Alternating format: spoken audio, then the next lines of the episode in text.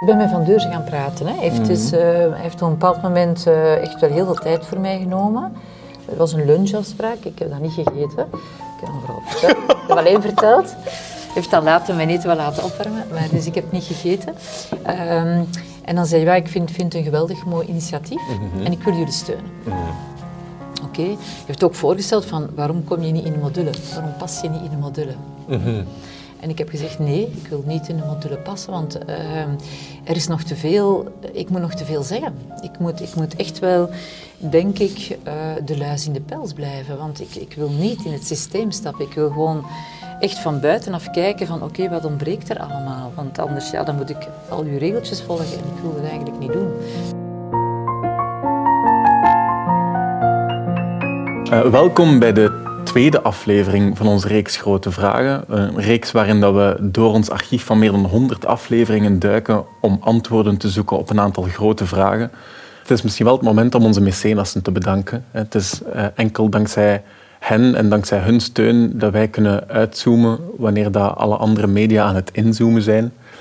Uh, dus als je dat ook belangrijk vindt als kijker, um, dat uitzoomen. En als je het belangrijk vindt dat iedereen naar deze gesprekken kan kijken of luisteren, gratis, overweeg het dan ook zeker om mecenas te worden van Zwijgende Schenoptie. Meer info daarover vind je op zwijgendeschenoptie.be slash mecenaat. Nu, de tweede vraag waar we ons vandaag over buigen is hoe veranderen we in godsnaam een systeem? Wat vond jij ervan, Tom, om deze aflevering te maken? Ja, cool. Um, ik vind dat er een zeer interessant contrast is met onze vorige aflevering. Hoe bedoelde? Contrast? Oh ja, vorige week ging het over iets zeer persoonlijk. Uw, uw persoonlijke macht, verantwoordelijkheid, schuld. Iets dat heel herkenbaar is uh, voor heel veel mensen. Um, vandaag is de vraag iets intimiderender. Uh, hoe veranderen we een systeem? Ik krijg, uh, krijg al een beetje, ben al een beetje te zweten als ik de vraag hoor. Um, maar ik denk wel dat we erin geslaagd zijn om ook die vraag toch naar het persoonlijke te trekken. Ja, maar ik vind dat Charlotte Prové, en zij is degene die in ons eerste fragment zit, en het is een onderzoekster die bezig is met stadslandbouw, maar ook een initiatief heeft dat, dat Soepcafé noemt, een heel interessant initiatief. Um, ik vind dat zij die vraag wel heel dichtbij brengt, eigenlijk. Als je weet dat het, waar dat de fouten zitten, allee, of dat de grote, en, en, dat zijn voor mij zwarte dozen. -huh. zo, je weet zo het systeem is slecht, maar waar zit dat dan precies en wie is dat dan? Zo, dat, dat vind ik soms frustrerend dat je dan zo wel met kleine dingen bezig bent en dan soms vraagt je je af van ja oké, okay, maar als je weet dat wordt zo nu gezegd dat we nog 10 à 12 jaar hebben om, om ja. het allemaal om te keren. Dan denk ik ook van ja, oké, okay, maar dit, allez, dit, dit gaat er nauwelijks of niks toe bijdragen. Dus soms vind ik ook wel zelf, heb ik daar zelf moeite mee om mij daarmee te verzoenen. Um, en dan en denk ik ook van oké, okay, zo de, de initiatieven zoals de klimaatzaak, of nu in Nederland wordt Shell aangeklaagd. Ja. Dat, dan denk ik, ah ja, dat, daar moeten we eigenlijk naar of ja, dat zijn zo de echte structurele fouten. Daar moeten we mm -hmm. naartoe, maar, maar dat, dat is zo ver mm -hmm. van een bedshow. Dat, ja. Dus ik ben daar nu wel zo heel erg over aan nadenken van oké, okay, binnen die tien jaar, waar kan ik me dan best op richten om zoveel mogelijk impact te hebben? Mm -hmm. en, en die kleine stapjes die we zetten, die zijn, ik vind die goed, maar in het licht van tien jaar... Ja is dat ze soms toch wel van, zijn we zo... Zijn we hiermee alleen de status quo aan het, aan het bevestigen, door ja. dat mijn energie en mijn functie op mijn werk en mijn rol en mijn loon naar, naar dit gaat. Zo. Ja.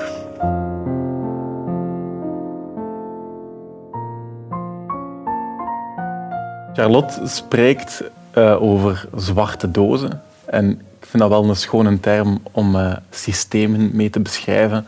Mensen gebruiken het woord systeem heel vaak als ze bij ons langskomen en ze bedoelen daar ook vaak andere dingen mee. Maar dat wil niet zeggen dat het niet belangrijk is om het erover te hebben. En Charlotte vraagt zich af, hoe kan ik dat systeem het best veranderen? Moet ik een klimaatzaak starten of ben ik goed bezig met mijn soepcafé? Wat kan ik precies doen om dat, die zwarte doos, waarvan ik het gevoel heb dat er iets mis mee is, om die te veranderen? De reden waarom dat ze het gevoel heeft dat daar iets mis mee is, is omdat een systeem effectief een zwarte doos is.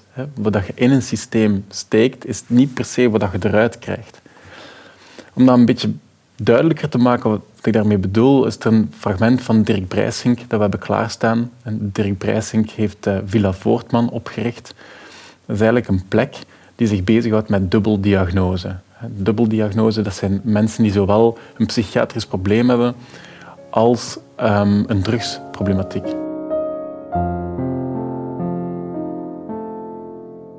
Dus je zag die in de jaren 90 allemaal binnenkomen en, en dan zag je dat dat was iets wat je mee aan de slag wilde. en, en, dan hebben we de sleutel en de kiem. Ja. Dat zijn de therapeutische gemeenschappen in Gent. Mhm. En dat was van oudsher dat drugsproblematieken naar de sleutel en de kiem gingen. Mhm. En dat ehm, de gewone psychiatrische zorg, psychische zorg naar de psychiatrie ging. Maar ehm, dat lukt niet natuurlijk, want uh, in de kiem en de sleutel werken zij niet met psychotische mensen. Dat is heel hard, dat is een heel harde aanpak. roepen, tieren, uh, schelden desnoods. Dat is een hele harde manier van werken die voor sommige mensen wel accepteert, maar niet voor psychotische mensen. Dus die gingen van het kastje de muur, die kwamen in de TG's binnen. En dan werden ze buiten gezet, de therapeutische gemeenschap, de sleutel kwam er binnen, werden ze buiten gezet naar de psychiatrie. In de psychiatrie begonnen ze te delen of te gebruiken. We zijn terug naar de, naar de gestuurd, van het kastje en de muur. En uiteindelijk belanden zij in gevangenissen of, uh, met zelfmoord. En hebben op een gegeven moment gezegd in de jaren 90 op ons psychoseafdeling, dat hadden voor psychose mensen. We gaan een afdeling dubbeldiagnose maken. We gaan die gasten ook toelaten bij ons. Ik ben dan teksten beginnen schrijven die eigenlijk nog altijd teksten van Villa Voortman zijn. Dus wij begonnen in de jaren 90 op basis van die teksten hebben wij heel veel geld gekregen. Dus ze krijgen altijd 1 miljoen euro, nog altijd, dus dat is veel geld. Mm daardoor moeten we ook succes halen. Dat is de evidence-based gedachte, good practice. Als jij betaald wordt voor wat, hoort wat. Dus Anthony komt weer binnen voor de, voor de derde keer heeft weer gebruikt, ja zeg, we gaan Anthony niet meer oppakken. Hè.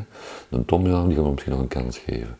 Maar de Tom is ook voor een derde keer binnen. Kom, Tom, Anthony, de zwarte lijst niet meer binnenpakken. Ah ja, dus omdat je verplicht wordt om evidence-based te werken, gaat je de moeilijkste gevallen eigenlijk weigeren, omdat je weet van dat is niet goed voor ons cijfers. Voor ons cijfers, voilà. Hè. En dan pak je dan jonge gasten geloof ik van 17 jaar, die nog bij hun ouders wonen, die een joints moden om de drie maanden. Dat is geen dubbeldiagnose, als gasten zijn verslaafd, elke dag gebruik, uh, shotten, zware drugs. Joint om de drie maanden, als recreatieve gebruikers. Er waren een aantal dingen die mij echt voor de borst stoten en ja, ik moest er toch mee veranderen ik moest korter binnen werken, ik mocht niet meer muziek spelen, ik moest eigenlijk in mijn, in mijn bureau blijven als psycholoog, terwijl ik mensen bereikt op een andere manier. Enfin, um, heel wat verhalen om te zeggen dat ik eigenlijk uh, ja, moest helemaal veranderen van mijn zijn en dacht ik moet hier nog 10, 15 jaar werken, dan, dan ik misschien bij mezelf voor, dat gaat niet meer.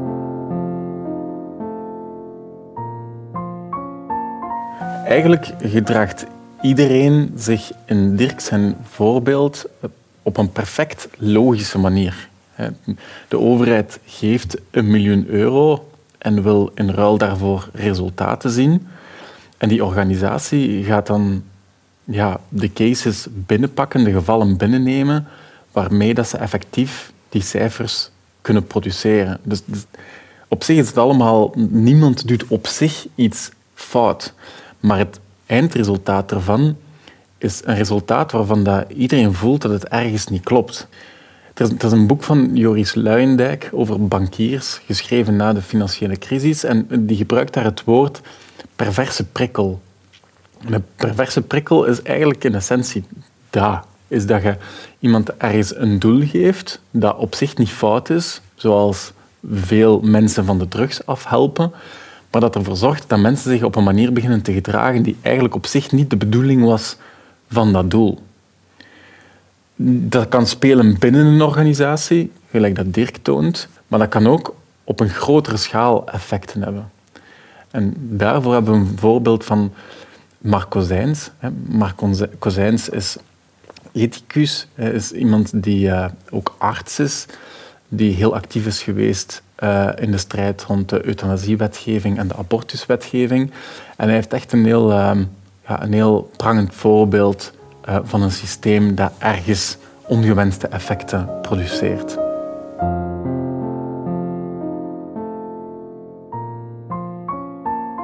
Ik denk dat we ook in de geneeskunde nog altijd veel te veel achteraf lopen, hè? nalopen en symptomatisch te werk gaan. Dat is, uh, en ook in, in, alles wat we met de maatschappij voor een stuk doen. Dat we, als je kijkt naar alles wat met zorg te maken heeft, dat we eigenlijk altijd te laat zijn. Want allee, geneeskunde heeft natuurlijk wel iets betekend, maar toch nog altijd veel minder dan, dan we denken hoor. Want uh, ik denk dat het essentiële is van, uh, van hygiëne en mogelijkheid van mensen uit de armoede te halen. Dat is veel, veel belangrijker dan al hetgeen wat wij doen, denk ik. Ik ga een voorbeeld geven van in de tijd van Janssen Pharmaceutica en Imodium. Dat was een, een middel tegen uh, diarree. Mm uh, dus men heeft toen ongelooflijke commerciële acties gedaan om dat in de ontwikkelingslanden, zoals we dat dus vroeger noemden, uh, dat product op de markt te brengen.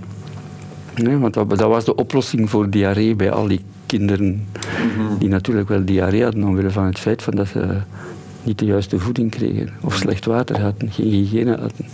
En dan was de oplossing Imodium, een pil om de diarree te stoppen. En dat werd toen algemeen aanvaard bij ons in de westerse landen dat dat een vorm van ontwikkelingshulp was, want zo werd dat dan ook door de firma hè, uh, naar voren gebracht. Dat is, uh, terwijl men dan achteraf zag van dat door het geven van imodium er veel doden kinderen gestorven zijn, omwille van het feit natuurlijk van dat, dat de, de darm stopte, waardoor dat uh, slechte dingen in het lichaam bleven en kinderen met al zo weinig weerstand daardoor dan sterven.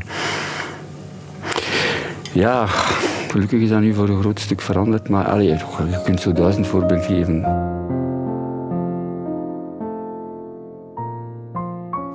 Ja, je ziet, het, het, wordt wel heel gek. Hè? Ergens van het Janssens Pharmaceutica klopt dit. Hè? Van wij verstrekken die geneesmiddelen en we geven veel geneesmiddelen aan mensen dat ze beter kunnen worden. Maar Mark zegt van ja, het probleem is eigenlijk dat we die geneesmiddelen überhaupt nodig hebben. En mochten mensen niet ziek worden, dan hebben we ook die geneesmiddelen niet nodig. Dus het doel is niet van zoveel mogelijk geneesmiddelen te geven aan de mensen.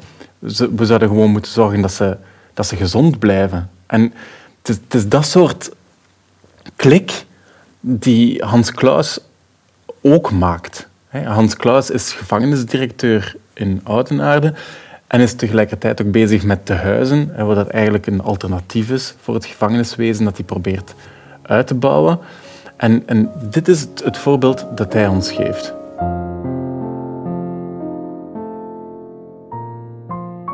Dus als, als, als dat communisme gevallen is, dan dachten ze van ja, nu is, nu is de baan vrij. Hè? Ja. nu is er geen concurrerend systeem meer. Nu gaan we voluit. Hè? Dus het, het, het, het winnende systeem heeft, eh, moet zich zelf niet meer in vraag stellen. Ja. Dus uh, het gaat voluit. Dus op basis van de individuele mens en de individuele vrijheid en het winstprincipe en het concurrentieprincipe. En dat is blijkbaar toch het beste. Dus gaan we alles inrichten en herinrichten op, dat, op die manier. En, en één voor één zijn al de domeinen gevallen. Hè? Het onderwijs werd arbeidsmarktgericht. De, de gezondheidszorg moest rendabel worden. Uh, zelfs nu, het gevangeniswezen. Hè. Dus uh, ja, de markt mag er ook een graantje aan meepikken. Dat is een heel rare gegeven als hij wordt gestraft door een onafhankelijke rechter. Hè. En dan uw straf uh, moet je uitzetten in een inrichting die beheerd wordt door iemand die er baat bij heeft dat jij daar zo lang mogelijk zit. ja, want die verdient daar geld aan. Hè. Is uh, een vieze gedachte, maar dat is al, allemaal die vies niet meer. De markt heeft dat zodanig, en dat denken, dat marktgericht denken, heeft, dat zo, heeft zodanig al die, die domeinen aan zich onderworpen en geïmpregneerd, dat we daar zelfs geen antistoffen meer voor hebben, dat we dat feitelijk maar normaal vinden. Ja, ik merk als ik, als je het eerste stuk vertelde, dat ik het ook wel denk het gevangenisleven moet rendabel of moet financieel duurzaam, denk ik dan. Dan denk je, dat is toch niet zo onverstandig dat er gezocht wordt naar een manier om dat ja, efficiënt te maken. Dat, dat, ja. Nee, want de, gevangeniswezen zou er eigenlijk moeten opgericht zijn, opgericht om, om zichzelf wat overbodig te maken. De bedoeling is toch, als er gestraft wordt, dat er dan nadien uh, niet meer hervallen wordt en geen criminaliteit meer gepleegd wordt. En dat, en dat door het strafsysteem de, de verlangst om minder straf nodig is. Hè. Ja, dat is toch de bedoeling om uit te komen niet in meer of in rendabele strafuitboetingsinstellingen, maar in, in geen of minder. Hè. Maar we, we, zien het grote plaatje niet. Hè. We zien niet dat we met z'n allen, allee, dat we een tak aan het afzagen zijn van waar, dat we, ja. op zitten. Hè. Dat, ja, dat voel ik ook wel als je praat. Dat, je zo, dat, dat ik zo vastzit in dat, in het kleine. Mm. Zeiden van gevangenissysteem efficiënter maken. Mm. En dat je een, als je een stap erboven kijkt, dan je zegt, ah ja, maar dan moet je zichzelf eigenlijk overbodig maken. En dat ik zo kijk, ah, ja. ja, ja, ja. Shit, ja. Maar er zijn veel dingen zo dat we het doel uh, uit het oog verloren hebben. Dat uiteindelijk de, het, het, het middel om daar te geraken het, uh, het doel geworden is. Dat is een omkering. Dus het is goed als het, op, als het opbrengt, het is goed als het groeit, het is goed als het succes heeft. Ja, dus sommige dingen hebben beter geen succes. Het gevangeniswezen heeft beter geen succes, bijvoorbeeld. En er zijn nog dus ziekten. De, de, de gezondheidszorg heeft beter geen succes. Ja, hoe, hoe, minder zieken er zijn, hoe beter natuurlijk. Maar eigenlijk, het systeem eh, is pas echt goed rendabel als er veel zieken zijn. Hè. Ah, ja, dat is toch een probleem. ja. ja. ja. Als je Hans zijn verhaal hoort, dan zou je kunnen zeggen van oké, wat Hans in zijn gevangeniswezen last van heeft, is van het perverse prikkel. Maar Hans gaat nog een stap verder. Hans zegt, eigenlijk is dat een pervers systeem. Het is het hele systeem dat op de schop moet. Het hele systeem dat vraagt dat zelf dingen zoals gevangenissen rendabel moeten zijn. We moeten dat volledig wegsmijten. Het is interessant omdat nader te onderzoeken en misschien een beetje te nuanceren. We kunnen dat nuanceren met Koen Verwee. Koen Verwee is momenteel CEO van Mediahuis, een fancy job, maar is ook een van de voortrekkers van Sign for My Future, een heel succesvolle klimaatactie. De kern van het meningsverschil is dat, dat er een bepaalde groep uh, mensen zijn die zeer terecht opkomen voor het klimaat, maar die, die aan bedrijven eigenlijk een, een, een zeer grote rol toedichten eigenlijk ook in de oplossingen. Daarmee bedoel ik, eigenlijk willen die mensen naar een ander maatschappijmodel. Hè. Die willen het maatschappijmodel zeer ingrijpend hervormen. Uh, en ze hechten dat natuurlijk aan, aan, aan ontsporing van het kapitalisme, die er voor een stuk ook is, maar, daar hechten ze het natuurlijk aan. En zij proberen samen met het klimaat, of ze hebben de overtuiging dat het klimaat alleen kan opgelost worden, dat we het gans maatschappelijk model op zijn kop gooien. En ik zit daar veel pragmatischer in. Ik denk, we hebben maar 30 jaar de tijd uh, om het op te lossen. Met andere woorden, ik denk niet dat we de tijd hebben om het gans maatschappelijk model op zijn kop te zetten, omdat daar ook geen draagvlak voor is, eerlijk gezegd, bij de bevolking om dat te gaan doen. En daarnaast uh, is het kapitalistisch systeem die we hebben, heeft ons eigenlijk zeer veel gebracht. Hè? Zeer veel positieve dingen gebracht. Als je kijkt naar de welvaart die er vandaag is. Dat systeem moet continu geschaafd worden. Want als je een kapitalistisch systeem laat ontsporen, dan heeft dat zijn eigen staart op. Met andere woorden, regelgeving is absoluut belangrijk in een, in een, in een goed werkend, functionerend uh, kapitalistisch systeem. Je moet altijd zorgen dat uh, de uitwassen ervan, bijvoorbeeld tegenstelling arm-rijk, dat, je dat, dat je dat voldoende klein maakt. Maar daarnaast werkt dat kapitalistisch, dat gereguleerd kapitalistisch systeem werkt eigenlijk wel, vind ik persoonlijk. Ik bedoel, dat maakt gebruik van een drijfveer die er in mensen zit, een drijfveer die eerlijk gezegd eigenbelang is en die mensen incentiveert om te presteren. Dat maakt daarvan gebruik. En je moet de uitwassen daarvan proberen eigenlijk ja, weg te snijden en te zorgen dat die niet gebeuren. Ik denk dat wat Koen zegt over het kapitalistisch systeem, dat dat eigenlijk geldt voor elk systeem. Dat als je dat ongebreideld loslaat, zonder regelgeving, dat dat gewoon begint te ontsporen en dat je effecten krijgt die niemand op voorhand wou. Ook al zijn de intenties van iedereen die meewerkt aan dat systeem goed, dat je toch altijd effecten krijgt waar dan niemand op voorhand voor had getekend ja, dat, maakt het probleem wel nog urgenter om iets aan die systemen te doen. Maar de, de vraag is gewoon hoe doe je dat dan? En vooral, hoe doe je dat als, als één persoon, als individu?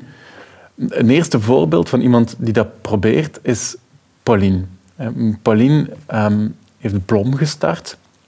En Blom verkoopt eigenlijk biologische bloemen aan de consument die ja, gekweekt zijn, geteeld zijn hier bij ons in België.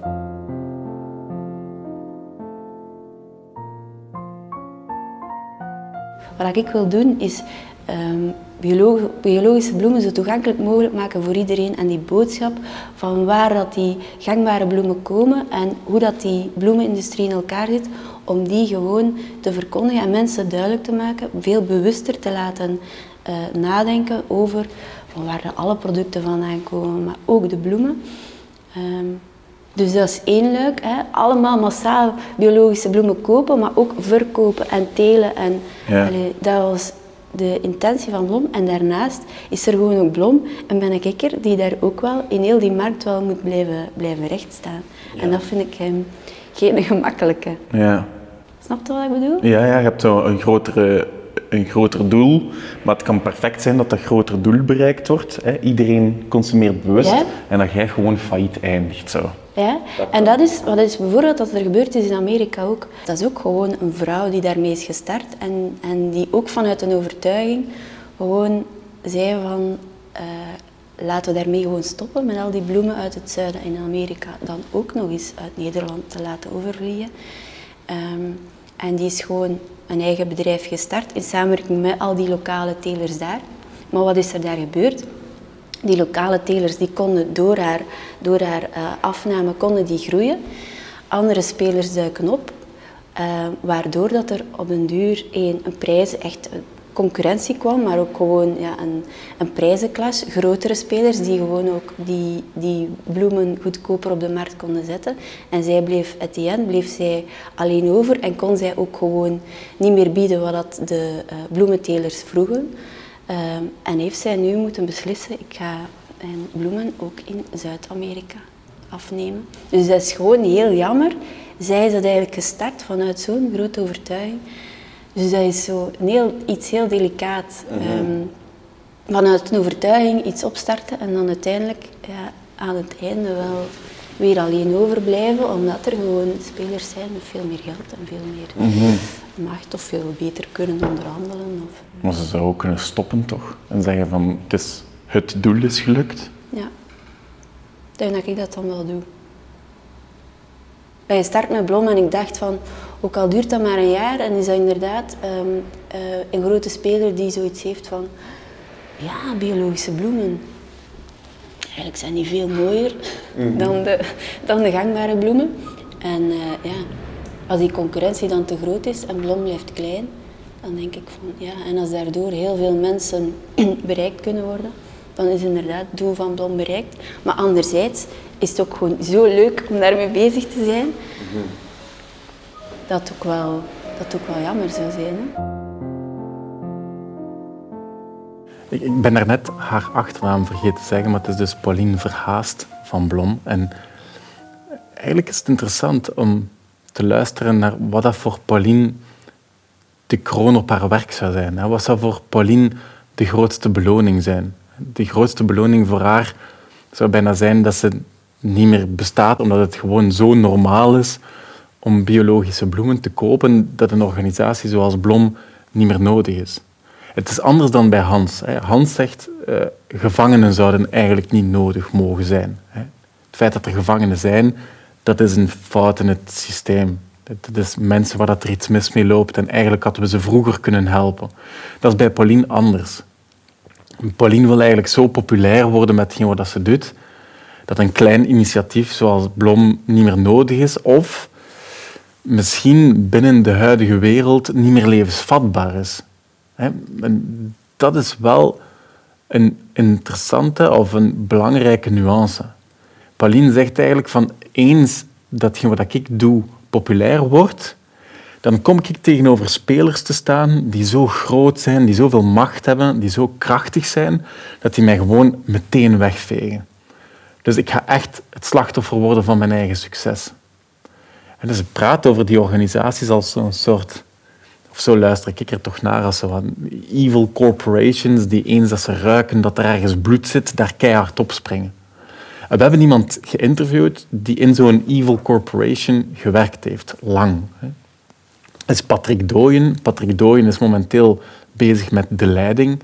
Of Robinetto is de populaire naam ervan. Waarbij dat ze proberen om um, plasticverbruik terug te dringen door mensen watertaps te laten installeren thuis en ook watertaps te laten gebruiken in de horeca. Maar daarvoor had hij een heel lange carrière bij Coca-Cola.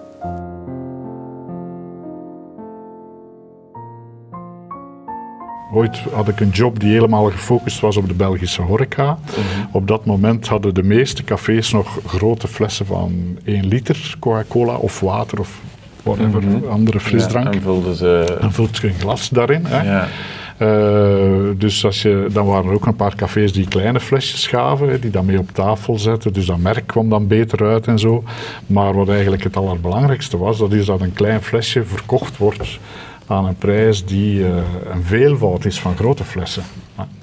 En dat je daar dus een goed verhaal kan ophangen, dat eigenlijk ten eerste de tussenhandelaars op die kleine flessen meer geld kunnen verdienen. Mhm. Dus ondanks het feit dat dat meer werk voor hen meebrengt, vooral een drankenhandelaar die dat allemaal moet verplaatsen, uh, ja, als je daar ook meer kan verdienen, dan is hij daarin geïnteresseerd natuurlijk. Maar het effect was vooral dat eigenlijk een groot bedrijf als Coca-Cola daar niet meer op verdient, maar heel veel meer. Mhm. Omdat je dat zoveel duurder kan... Kan verkopen. Mhm.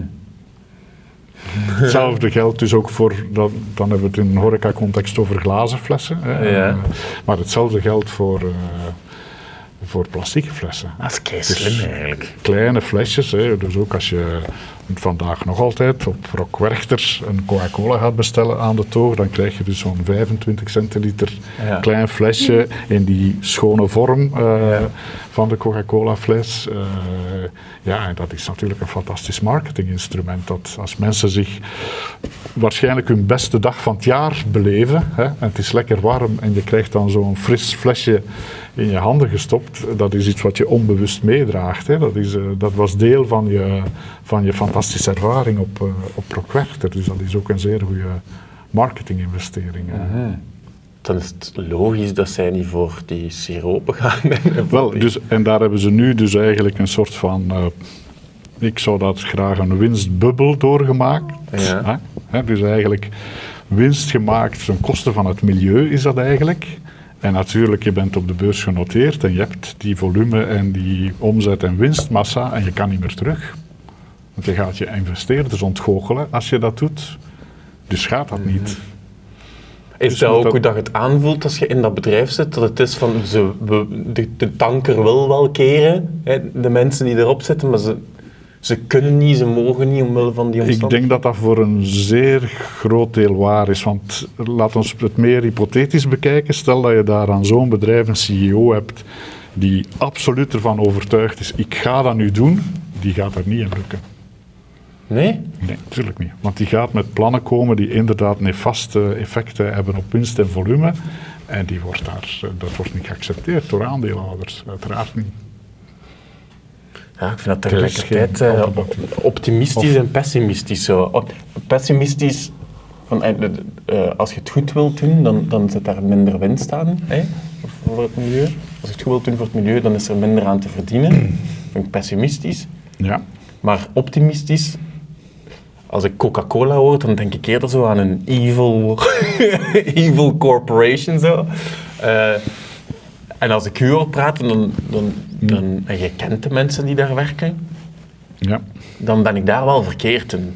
Ja, het is geen evil corporation, het is een, gewoon een bedrijf op de beurs zoals er uh, duizenden zijn, mm. die natuurlijk moeten handelen volgens de wetten van beursgenoteerd te zijn. Mm -hmm. Dat is dat je aan je aandeelhouders moet kunnen beloven dat je het bedrijf gaat verbeteren.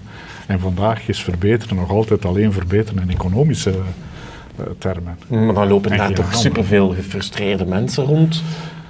Wel, dat valt wel mee, denk ik. Of tenminste, de gefrustreerde mensen die gaan dan weg. Hè, want je hoeft daar niet te blijven hè, als je daar mhm. gefrustreerd bent. Uh, nu, in, in mijn persoonlijk geval, ik, had, uh, ik ben daar dus lang gebleven, langer dan wat ik eigenlijk van plan was toen dat ik daar begonnen was, omdat ik dat bijzonder boeiend en interessant bedrijf vond. En dat was het ook. Mhm. maar ik was wel niet van plan om 17 jaar daar te blijven. Nu, uh, wat er gebeurt dus, als je het goed doet in zo'n bedrijf, dan word je ongelooflijk gepamperd en geswanjeerd. En dan kom je dus in wat velen de gouden kooi noemen terecht. Hè. Dus het leven is mooi en je wordt goed geswanjeerd en je boekt resultaten. En je wordt daar voortdurend voor beloond en je wordt alsmaar beter beloond. En je krijgt een carrièreplan en je krijgt bonussen. En ook trouwens in die bonussen zitten ook systemen in dat je voor een prestatie eigenlijk maar bonussen ontvangt over tijd. Mhm. Wat dus wil zeggen dat je voortdurend de vraag stelt, ja, als ik nu wegga, dan gooi ik dat allemaal weg, want dan, ik had het eigenlijk al verdiend, maar ik krijg het niet. En je zit dus, uh, het is niet zo gemakkelijk om daaruit te ontsnappen, hè, omdat je daar een zeer comfortabel leven krijgt hè, in mhm. zo'n bedrijf. En natuurlijk, ik denk ook uh, heel veel mensen uh, stellen zich daar geen vragen gewoon bij. Dus die spelen mee in wat daar aan de gang is. Dat is dat uh, geld verdienen is leuk en nog meer geld verdienen is nog veel leuker. Dus we, mhm. we, doen gewoon verder.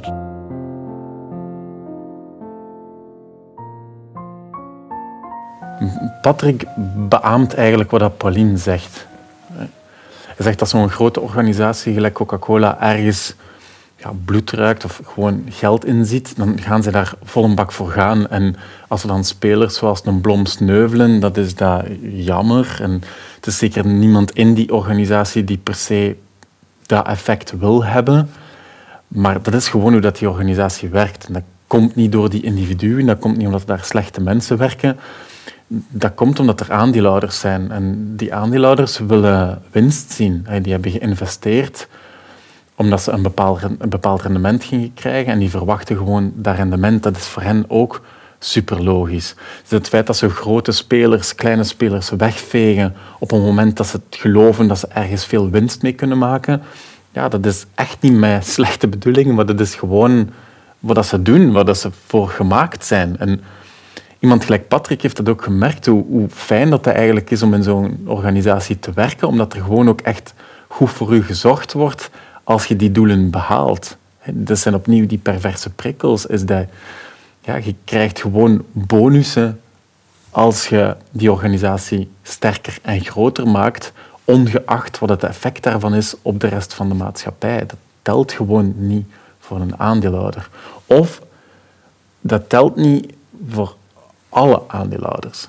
Er, er, er zijn aandeelhouders die het wel op een andere manier bekijken.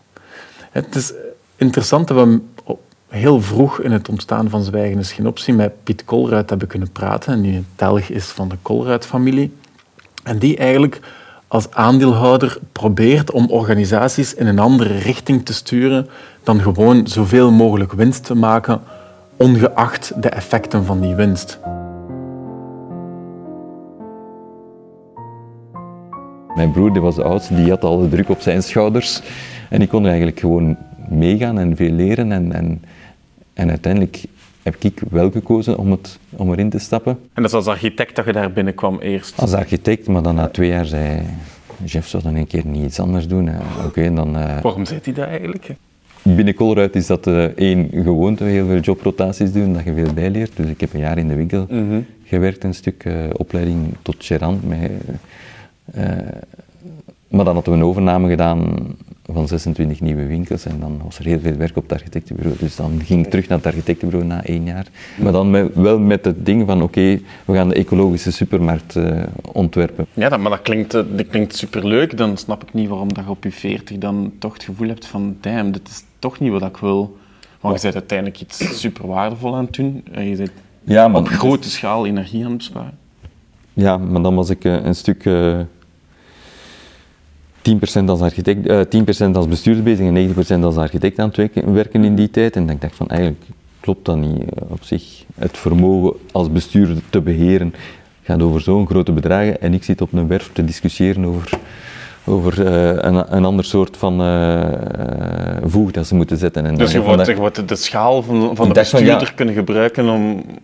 Ja, als ik veel invloed wil hebben, en blijkbaar wil ik een stuk invloed hebben of, of een stuk de wereld verbeteren, dat was dan mijn passie. Dan ik dacht van, ja, is dat de meest efficiënte manier door ecologische supermarkten te ontwerpen? En dat samen dan met dat boek dat ik kreeg, uh, How to Change the World, waarvan ik al die verhalen van die jonge gasten die niet stoppen totdat ze een maatschappelijk probleem opgelost hebben en die van, als dat niet lukt, proberen ze iets anders. En ik dacht van, wauw, dat is wat ik wil gaan doen. Sociaal ondernemen, dat is uh, de combinatie van het sociale en het ondernemen. Ja. Dan dacht ik van, ja, maar ja, zelf ben ik dan geen sociaal ondernemer, dan ontdekte ik impact investeren. Oké, aan de kant van impact investeren, sociaal ondernemers ondersteunen, dat is iets wat ik uh, misschien wel kan doen. Is dat uh, speciaal binnen de Colruyt-familie, dat je echt zo daarnaast je ding opzet? Want je hebt enorm veel aandelen al verkocht mm. binnen Colruyt, persoonlijk, om, om, om je verhaal daarnaast uh, te financieren. Is, is, is, is, dat normaal? Ah, wel, dat is niet normaal. niet normaal, in die zin is dat helemaal niet zo... Net zo dat interviews geven ook niet normaal is. Dat was, in de cultuur was het nogal van discreet zijn en, en, en allemaal loyaal. Uh, en op zich, ik benadruk altijd van ja, ik blijf wel nog altijd, mijn grootste investering blijft Colruyt en Coris, dus het is niet dat ik helemaal gezegd heb, vaarwel en ik geloof er niet in. Nee, dat is een andere manier, dat is impact investeren, finance first, conform. Maar dat is wel, de, dat is, dat is wel hoe dat zij er naar kijken. Ze denken wel van eh, finance first is de ah, manier die werkt. En we willen allebei, al, allemaal willen we inderdaad uiteindelijk de meeste maatschappelijke impact. De vraag is, hoe kunnen de meeste maatschappelijke impact hebben? Ja. Is dat door inderdaad een groot bedrijf, en ik twijfel daar echt aan, ik, vraag mij dikwijls af, misschien ja, had ik veel meer impact kunnen hebben om als architect inderdaad energiezuinige winkels te doen, of proberen om een directeur te worden bij Colruyt, om daar dan echt uh, met 30.000 mensen in een bepaalde richting echt dingen te kunnen veranderen. Beetje bij beetje, en je moet niet proberen van Colruyt een VZW te maken. Nee, nee, Colruyt als uh, rendabel bedrijf heeft juist veel meer impact, omdat het rendabel is en kan blijven groeien en kan inderdaad andere mensen inspireren. Ja. Alleen ligt mijn hart een stuk bij die social enterprises, waarvan ik denk van ja, maar ja, volgens mij is rendabel ook, als de opbrengst meer is dan de kost, is het ook al rendabel. En moet dat dan zoveel opbrengst zijn dat dat in ons marktkapitalistisch systeem marktconform is en dat hoge risico's 15%? Voor mij, nee, ik denk het niet. Sociaal zinvolle projecten hebben een lagere kapitaalkost. Veel mensen willen dat doen, willen dat ondersteunen. Vandaag krijgt een Giro veel vrijwilligers op de been. Waarom is dat? Omdat dat iets lokaal is en je ziet dat dat uh, goede effecten heeft en zo. Ik geloof dat ook met sociaal impact investeren, dat dat eigenlijk ook een lagere kapitaalkost heeft. Dus dat je geld kunt vinden, mensen die een hoger risico willen aanvaarden of een lager rendement aanvaarden, om dingen te, mogelijk te maken. Dus goed doen voor de wereld is financieel iets zeer interessant dan? Maar zeer interessant, dat, dat is financieel volgens mij de beste manier als je het duurzaam wil maken, moet je het kapitaal ook vinden. En als je dat kunt maken zodat er een zeker rendement is. Maar dat kan zijn, als Arnoud Raskin geld zoekt voor zijn streetwise en zo, ja, dan gaat hij niet bij een venture capitalist moeten aankloppen en zeggen, ja, maar het is wel een startend bedrijf, die, ik wil 25% rendement. Volgens mij, juist omwille van zijn sterk verhaal en zijn charisma, gaat hij mensen vinden die bereid zijn om dat risico te nemen, ook aan 2%. Wat dat eigenlijk totaal raar is voor een opstartend bedrijf in een consultancy, waar je eigenlijk maar 2% rendement eh, kunt ophalen. En toch geloof ik dat dat kan.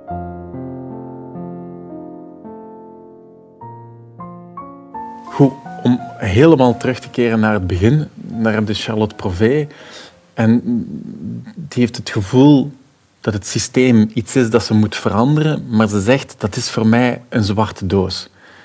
En daarna horen we Dirk, Mark en Hans en die zeggen ja, het, is effectief een, je kunt het een zwarte doos noemen, want het is niet omdat je er allemaal goede intenties in steekt, dat er ook effectief goede resultaten uitkomen.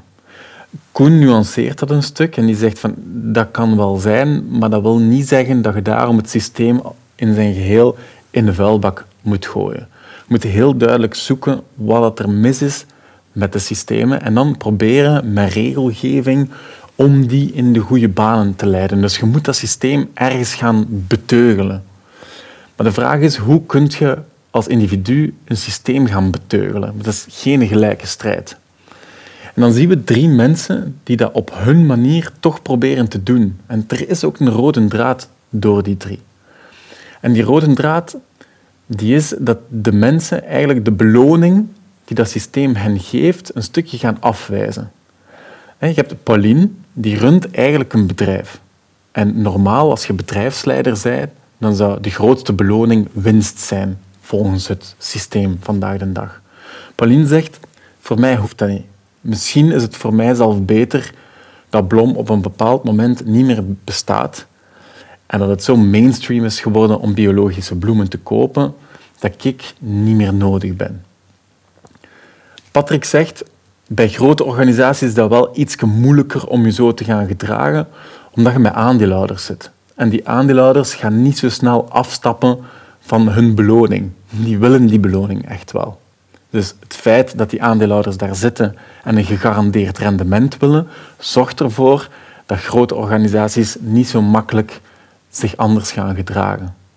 Maar er zijn wel mensen, gelijk Piet Kolruit, die dat effectief wel doen. Dat zijn aandeelhouders die eigenlijk zeggen van, kijk, voor mij, als er een positieve maatschappelijke impact is, dan ben ik bereid om geld op tafel te laten liggen. Om die goede maatschappelijke impact te bereiken.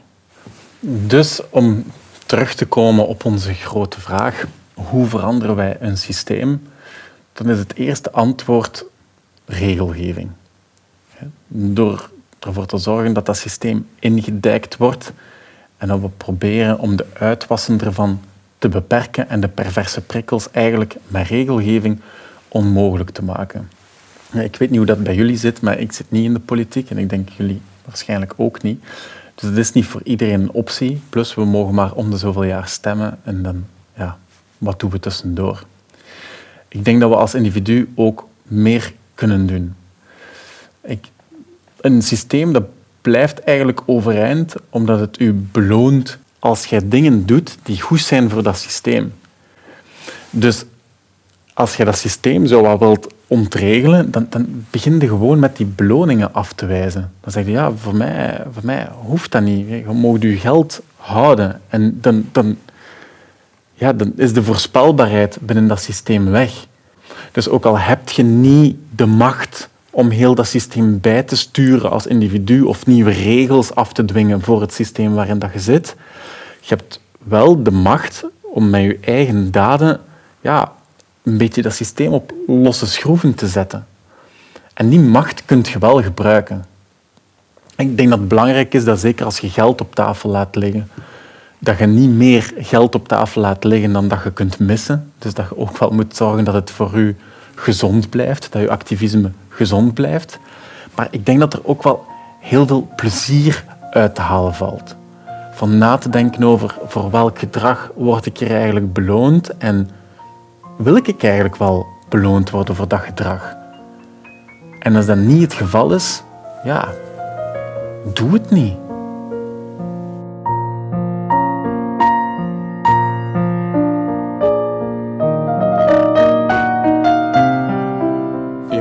Gesprek gratis bekijken of beluisteren dankzij de Zwijgende Schinopsie Mecenassen.